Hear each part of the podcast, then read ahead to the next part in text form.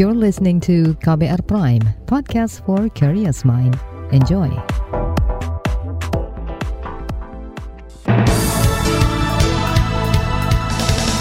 Halo saudara, selamat pagi. Senang sekali kami bisa menjumpai Anda kembali melalui program Buletin Pagi untuk edisi hari ini, Kamis 24 Maret 2022. Saya Agus Lukman akan menemani Anda selama kurang lebih 30 menit ke depan. Kami telah menyiapkan sejumlah informasi pilihan di antaranya Gizi buruk dan kemiskinan menjadi penyebab tingginya angka stunting di Indonesia. Pemerintah mengizinkan mudik lebaran pada tahun ini. Satgas Pangan di Solo menemukan modus penjualan minyak goreng paketan. Inilah buletin pagi selengkapnya. Terbaru di buletin pagi.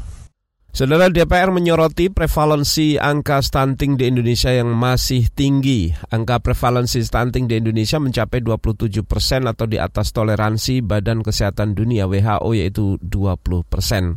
Anggota Komisi Kesehatan DPR Ahmad Handoyo mengatakan catatan itu menempatkan Indonesia pada prevalensi stunting usia balita tertinggi nomor 5 sedunia atau nomor 2 se-Asia di setelah Timor Leste. Rahmat Handoyo mendorong pemerintah untuk serius menangani hambatan dalam menangani stunting hambatan saya kira beberapa faktor ya dari masyarakat sendiri kemudian juga dari internal hambatan yang kemarin itu masing-masing kementerian lembaga itu punya program stunting, ada yang tumpang tindih. Nah, saya kira sudah ada solusi dengan Perpres dengan BKKBN dan sebagai leading sektornya pemimpin dalam perang melawan stunting ini. Ini perang ya, stunting harus diperangi, berarti memang harus dinolkan benar-benar distreng. Anggota Komisi Kesehatan di DPR Ahmad Handoyo meminta agar instruksi Presiden untuk mengalokasikan anggaran penanganan stunting dari dana desa dapat dipenuhi. Menurut Handoyo, faktor penyebab stunting di masyarakat adalah kurangnya edukasi pemenuhan gizi balita, terjadinya pernikahan di usia dini hingga karena kemiskinan. Kondisi ini diperparah dengan dampak ekonomi akibat pandemi COVID-19. Saudara hari ini Presiden Joko Widodo dijadwalkan meninjau program percepatan penurunan stunting di Kabupaten Timur Tengah Selatan di Provinsi Nusa Tenggara Timur. Prevalensi balita stunting di daerah ini merupakan yang tertinggi di Indonesia. Menurut catatan Badan Kependudukan dan Keluarga Berencana Nasional BKKBN, prevalensi stunting di Kabupaten Timur Tengah Selatan mencapai 48 persen. Selain menduduki peringkat tertinggi, Kabupaten Timur Tengah Selatan juga melampaui dua kali lipat angka toleransi yang dikeluarkan Badan Kesehatan Dunia WHO sebesar 20 persen. Saudara pemerintah sebelumnya memasang target menurunkan prevalensi stunting atau gagal tumbuh kembang pada anak hingga ke angka 14 persen pada tahun 2024 mendatang. Wakil Presiden Ma'ruf Amin mengatakan pada tahun 2030 bar pemerintah bahkan menargetkan prevalensi stunting turun hingga menjadi 0 persen. Maruf Amin mengatakan stunting atau gangguan tumbuh kembang pada anak bisa mengancam masa depan kekuatan pembangunan Indonesia. Menurutnya, 2 hingga 3 persen produk domestik bruto atau PDB Indonesia hilang per tahunnya akibat stunting. Jika mengacu pada PDB tahun 2020, potensi kerugian akibat stunting mencapai 450 triliun rupiah. Saudara BKKBN mencatat ada banyak faktor yang menyebabkan angka stunting masih di atas batas toleransi WHO. Faktor-faktor itu antara lain gizi buruk, kemiskinan, pernikahan dini, hingga kesalahan pola asuh akibat minimnya edukasi terkait kesehatan balita.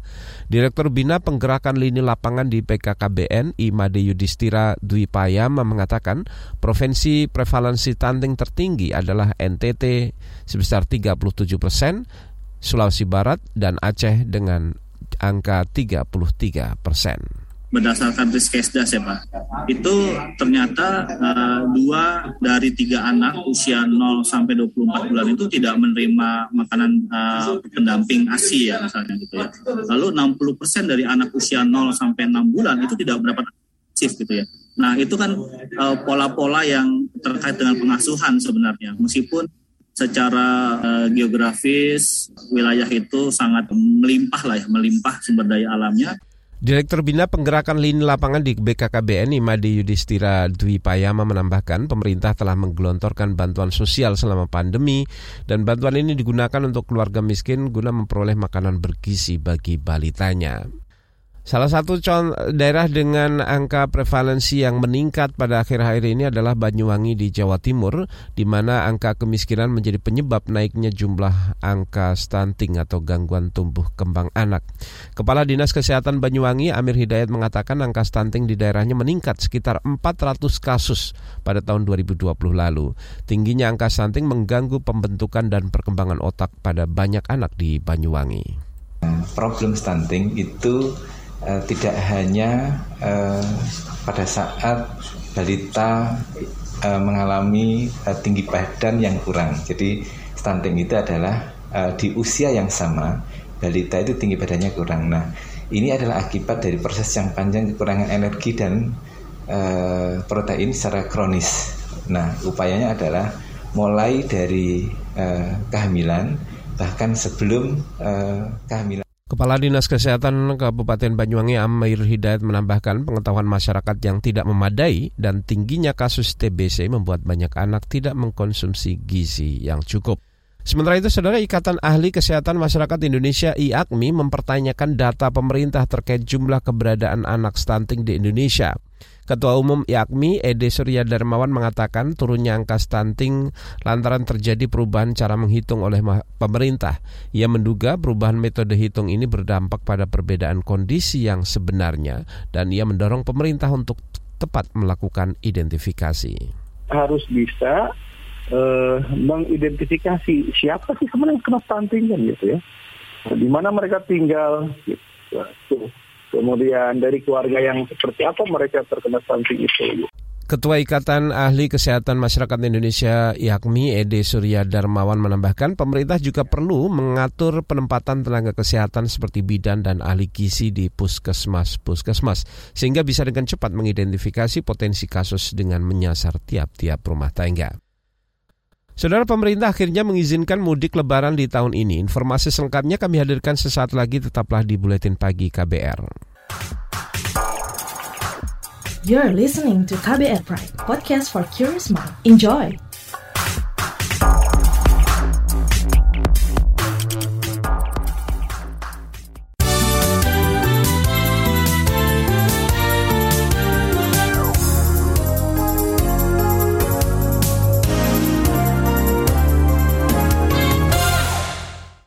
Presiden Joko Widodo mengizinkan masyarakat untuk mudik lebaran pada tahun ini. Ini disampaikan langsung oleh Presiden Joko Widodo dalam keterangan pers kemarin. Bagi masyarakat yang ingin melakukan mudik lebaran juga dipersilahkan, juga diperbolehkan. Dengan syarat sudah mendapatkan dua kali vaksin dan satu kali booster, serta tetap menerapkan protokol kesehatan yang ketat. Presiden Joko Widodo juga mengatakan masyarakat diperbolehkan melakukan ibadah tarawih berjamaah pada Ramadan kali ini, namun Presiden tidak mengizinkan para pejabat melakukan kegiatan buka bersama dan kunjungan silaturahmi antar keluarga. Kebijakan mudik eh, lebaran ini merupakan yang pertama diambil di masa pandemi COVID-19. Pada dua kali lebaran sebelumnya, pemerintah melarang mudik. Saudara masyarakat yang belum melakukan vaksinasi dosis ketiga atau booster harus menyertakan bukti tes negatif COVID-19 jika ingin melakukan mudik lebaran pada tahun ini. Menteri Kesehatan Budi Gunadi Sadikin mengatakan akan menyiagakan petugas di sejumlah titik jalur mudik untuk pengecekan secara acak. Kalau yang boosternya lengkap itu nggak usah tes. Jadi memudahkan agar uh, nanti perjalanan mudiknya juga bisa baik. Tapi kalau yang belum booster, kalau dia baru vaksinasinya dua kali, harus tes antigen. Tapi kalau dia baru satu kali vaksinasi, dia harus tesnya PCR. Itu tadi saudara Menteri Kesehatan Budi Gunadi Sadikin. Budi menambahkan pemerintah juga akan menyediakan fasilitas vaksinasi di titik-titik jalur mudik lebaran. Opsi ini dibuka bagi masyarakat yang ingin melakukan vaksinasi di perjalanan. Kita beralih ke informasi lain, saudara. Kepolisian daerah Metro Jakarta Raya menolak laporan dari sejumlah LSM terkait dugaan gratifikasi Luhut Bin Sarpanjaitan, Menteri Koordinator Maritim dan Investasi, dan beberapa entitas korporasi tambang. Penolakan itu disampaikan Kepala Divisi Hukum LSM Kontras Andi Muhammad Rezaldi. Andi menilai ada sejumlah kejanggalan dalam penolakan di laporan tersebut laporan yang kami ajukan tersebut uh, ditolak begitu dengan dalih penyidik bahwa penanganan kasus korupsi itu harus melalui laporan informasi dan tidak bisa melalui laporan polisi. Padahal ketika kemudian kita tanya apa dasar peraturan yang membuat polisi mengajukan penjelasan tersebut. Tapi pertanyaan itu tidak uh, dijawab dan tidak ada dasar peraturan yang bisa dijelaskan oleh aparat kepolisian. Kepala Divisi Hukum LSM Kontras Andi Muhammad Rizaldi menambahkan harusnya polisi wajib menandatangani dan mencatat laporan dugaan korupsi. Apalagi aliansi LSM juga membawa bukti dokumen yang menguatkan dugaan praktik gratifikasi tersebut. Kini kelompok LSM mempertimbangkan sejumlah langkah hukum lanjutan termasuk melaporkan ke Propam Polri dan Ombudsman Republik Indonesia. Kita ke informasi hukum saudara Komisi Nasional Hak Asasi Manusia Komnas HAM menyatakan resolusi konflik menyeluruh dan damai di Papua masih pada tahap awal penyusunan. Ketua Komnas HAM Ahmad Taufan Damanik mengatakan lembaganya sudah menyusun peta jalan dialog damai di Papua. Namun ia menegaskan penegakan hukum dugaan pelanggaran HAM di bumi cendrawasih harus tetap berjalan. Sekali lagi menunjukkan bahwa visi dialog damai itu itu tidak berarti e, kemudian menegasikan atau meninggalkan penegakan hukum. Pertanyaannya, apakah penegakan hukum juga hanya kepada kasus kasus pelanggaran HAM berat? Tidak. Kami sudah melakukan penyelidikan pemantauan terhadap kasus pendeta Yeremia dan sekarang Ketua Komnas HAM Ahmad Taufan Damanik menambahkan lembaganya berupaya mendengarkan dan meminta pendapat dari tokoh-tokoh kunci di Papua termasuk dari organisasi Papua Merdeka. Isu pokok yang dibicarakan adalah mengenai langkah penghentian kekerasan dan konflik bersenjata dan isu-isu resolusi konflik yang ingin diajukan kepada pemerintah Indonesia. Ia berharap negosiasi dan perundingan damai bisa menghentikan konflik bersenjata yang kerap memakan korban di Papua. Kita ke informasi mancanegara, saudara otoritas pemerintah Tiongkok berhasil menemukan satu dari dua kotak hitam pesawat maskapai China Eastern Airlines yang jatuh di kota Wuzhou. Mengutip AFP, kotak hitam yang ditemukan adalah cockpit voice recorder atau perekam suara percakapan di kokpit pesawat sebelum kecelakaan. Tim penyelidik gabungan kini mengumpulkan berbagai bukti dan data untuk mencari tahu penyebab jatuhnya pesawat yang mengangkut 132 orang itu. Tidak ada penumpang yang selamat. Ini merupakan kasus kecelakaan pesawat paling mematikan di Tiongkok dalam 30 tahun terakhir. Kita ke informasi olahraga, saudara, dari ajang turnamen bulu tangkis Swiss terbuka atau Swiss Open 2022. Indonesia meloloskan tujuh nomor pertandingan ke babak 16 besar Swiss Open 2022. Ada dua tunggal putra, dua ganda campuran, dan tiga ganda putra Indonesia. Pemain yang lolos di antaranya adalah tunggal putra Chico Aura Dwi Wardoyo dan Jonathan Christie, ganda putra Muhammad Sohibul Bagas Maulana, ganda putra Pramudya Kusmawardana Yeremia Erich, serta ganda campuran yaitu Akbar Bintang, Marcella Gisa, dan ganda putra Leo Roli dan Daniel Martin. Leo Daniel lolos setelah lawannya yang juga ganda putra Indonesia Muhammad Aksan Hendra Setiawan mundur. Pemain Indonesia lain yang lolos adalah ganda putra Fajar Alfian dan Muhammad Rian, kemudian tunggal putra Antoni Sinisuka Ginting, dan ganda campuran Adnan Maulana, Michelle Bandaso. Di bagian berikutnya, saudara kami hadirkan laporan khas KBR mengenai sampah masker, limbah B3 yang masih dibuang sembarangan. Informasinya kami hadirkan sesaat lagi. You're listening to KBR Pride, podcast for curious mind. Enjoy!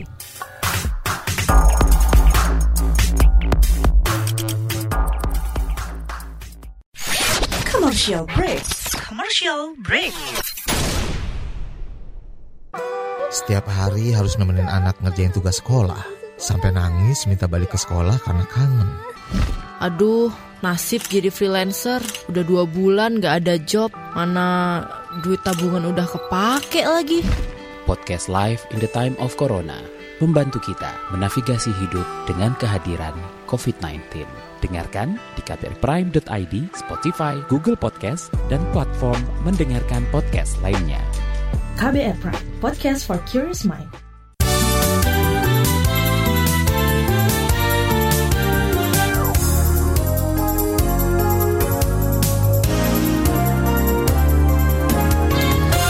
Anda masih bersama kami di Buletin Pagi KBR. Saudara, masker medis yang digunakan warga selama pandemi COVID-19 menimbulkan masalah lingkungan karena dibuang dan menumpuk tanpa pengolahan tertentu. Padahal sampah masker termasuk limbah bahan beracun berbahaya atau B3. Lalu bagaimana cara tepat mengelola limbah masker medis? Berikut laporan khas KBR disusun jurnalis Siti Sadida. Limbah medis COVID-19, terutama masker, menjadi sorotan khususnya dari sisi lingkungan. Menurut Lembaga Pemerhati Lingkungan Waste Change, masker yang sudah tidak terpakai menambah gunungan sampah di Indonesia. Senior Campaign Eksekutif Waste Change Tanti Yasmin khawatir dengan kondisi tersebut. Di Indonesia, sekitar 420 ton sampah per hari timbulan limbah medis yang dihasilkan dengan kasus positif yang ada di Indonesia. Kemudian masker sekali pakai yang dihasilkan juga kurang lebih ada sekitar 150 juta pieces ya yang dihasilkan sebetulnya alat pelindung diri untuk mencegah penyebaran COVID-19 gitu. Namun masalahnya itu bukan pada bagaimana kita melakukan upaya pencegahan COVID gitu. Namun bagaimana setelah kita menggunakan masker itu, bagaimana kita bijak untuk melakukan upaya pengolahan pengolahan sampah maskernya. Tanti menyebut mayoritas masyarakat Indonesia tidak peduli terhadap penanganan sampah di Indonesia. Dampaknya, penumpukan sampah, khususnya masker medis, menimbulkan berbagai permasalahan lingkungan. Yang pertama, habitat hewan ini terancam gitu ya akibat sampah masker yang terbuang secara sembarangan. Kemudian di sini juga kita lihat ada berita yang mengatakan bahwa penguin itu tuh mati akibat dia menelan masker yang dibuang secara sembarangan. Jadi bisa jadi bukan cuma penguin yang merasakan dampaknya gitu ya, tapi binatang-binatang yang ada di lautan lainnya juga mungkin bisa jadi merasakan dampaknya juga. Selama ini, limbah masker medis kerap bertumpuk di tempat pembuangan akhir atau TPA tanpa ada pemisahan ataupun pengolahan lebih lanjut. Padahal, menurut Kepala Badan Riset dan Inovasi Nasional BRIN, Laksana Trihandoko, masker medis termasuk ke dalam jenis limbah B3, bahan berbahaya beracun.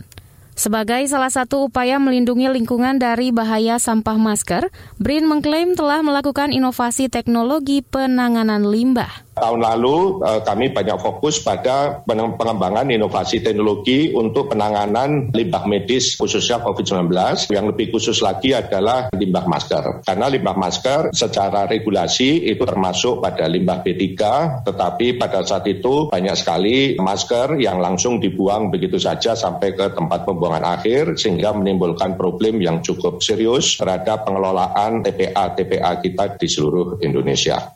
Masker sekali pakai yang digunakan selama masa pandemi COVID-19 termasuk jenis sampah yang sulit diurai oleh lingkungan, sebab berbahan dasar plastik. Apalagi penumpukan limbah masker menambah beban kerusakan alam. Pelaksana tugas Kepala Pusat Riset Biometrian BRIN, Dawam Abdullah kita menggunakan dua instrumen yaitu FTIR dan DSC. Ini adalah cara kita untuk mengecek bahan itu plastik atau apa dan plastiknya jenisnya apa kita bisa tahu. Dari sini kita bisa lihat jadi masker yang jenis tiga lapis ini adalah berbahan polipropilen. Polipropilen itu paling gampang kita temui adalah tutup botol minuman dan setelah kita confirm dengan alat uji temperatur ternyata betul ya temperatur lelehnya di sekitar 170 derajat. Kalau di dalam diagnos bahwasanya dua kesimpulan ini kita bisa katakan yes ini masker bahannya adalah adalah polipropilin. Karena berbahan dasar plastik, BRIN menyarankan cara pengolahan sederhana yang dapat dilakukan masyarakat. Dengan pencucian ya dengan larutan deterjen, biasanya kita menggunakan pemutih ya yang ada eh, sodium hipoklorit atau NaOCl begitu. Kemudian kita rendam, ya memang kita pakai safety factor misalkan satu jam sebenarnya 10 menit ya asalkan itu terendam semuanya sudah cukup begitu. Habis itu kita kemudian keringkan ya. Kemudian kita pisahkan bagiannya. Kenapa? Yang akan kita kelola itu nanti bagian filternya. Dari sana kemudian kita potong ya kemudian kita proses dengan menggunakan alat extruder mesin. Dari alat extruder ini kemudian kita proses menjadi biji plastik. Sejumlah daerah di tanah air menyadari akan potensi bahaya limbah sampah masker bagi lingkungan, salah satunya Jawa Timur. Kepala Bidang Kesehatan Masyarakat Dinas Kesehatan Provinsi Jawa Timur Muhammad Yoto menegaskan, bahwa setiap elemen masyarakat bertanggung jawab mengolah limbah yang dihasilkannya, termasuk limbah masker medis. Ternyata setiap orang yang menghasilkan limbah itu wajib memiliki tanggung jawab untuk mengelolanya. Tentu kalau kita secara individu, kita sebagai orang penghasil limbah, sebagai pribadi individu ya harus peduli bagaimana kita harus mengelola dengan baik. Tentunya bagi institusi yang menghasilkan adalah memiliki tanggung jawab. Nah, Dinas Lingkungan Hidup telah memberikan pedoman untuk memperlakukannya harus seperti apa. Laporan ini disusun Siti Sadida Hafsyah, saya Dwi Renjani. Informasi lain dari daerah akan kami hadirkan sesaat lagi, tetaplah di Buletin Pagi KBR. You're listening to KBR Pride, podcast for curious mind. Enjoy!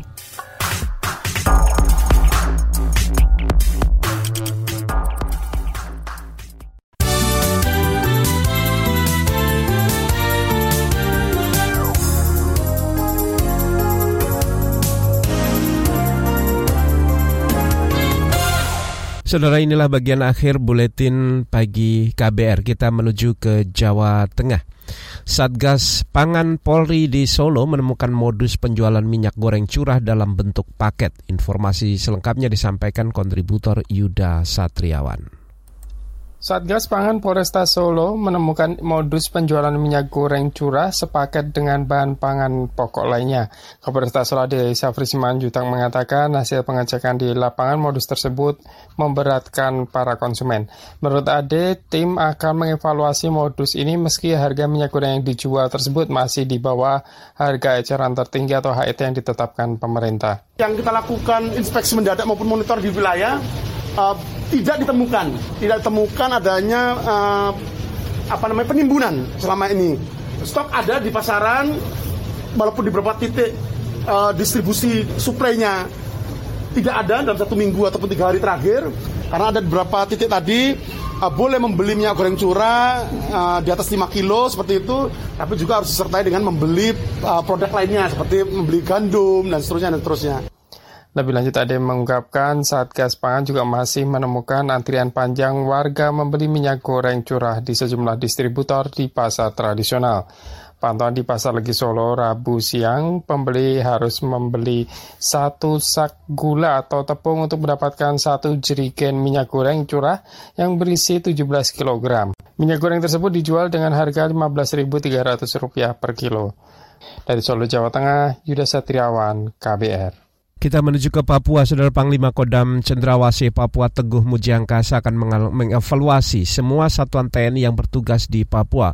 Evaluasi dilakukan usai temuan ada sejumlah prajurit berbohong melakukan aktivitas pengamanan di Papua. Evaluasi pasti kita lakukan. Kalau kita tidak melakukan evaluasi dan kita tidak mengintrospeksi diri, niscaya kita ke depan tidak akan bisa berbuat yang lebih baik. Sebelumnya Panglima TNI Andika Perkasa menginstruksikan anggotanya tidak bertugas menjaga proyek tanpa izin pimpinan. Itu disampaikan usai ada temuan seorang prajurit yang berbohong soal aktivitas patroli keamanan di sana padahal ia melakukan aktivitas pengamanan proyek galian pasir. Informasi tadi saudara mengakhiri jumpa kita di buletin pagi hari ini. Jangan lupa untuk mengikuti informasi terbaru, mengikuti melalui kabar baru situs KBR hingga podcast kami di kbrprime.id. Akhirnya saya Gus Lukman, kami undur diri. Salam.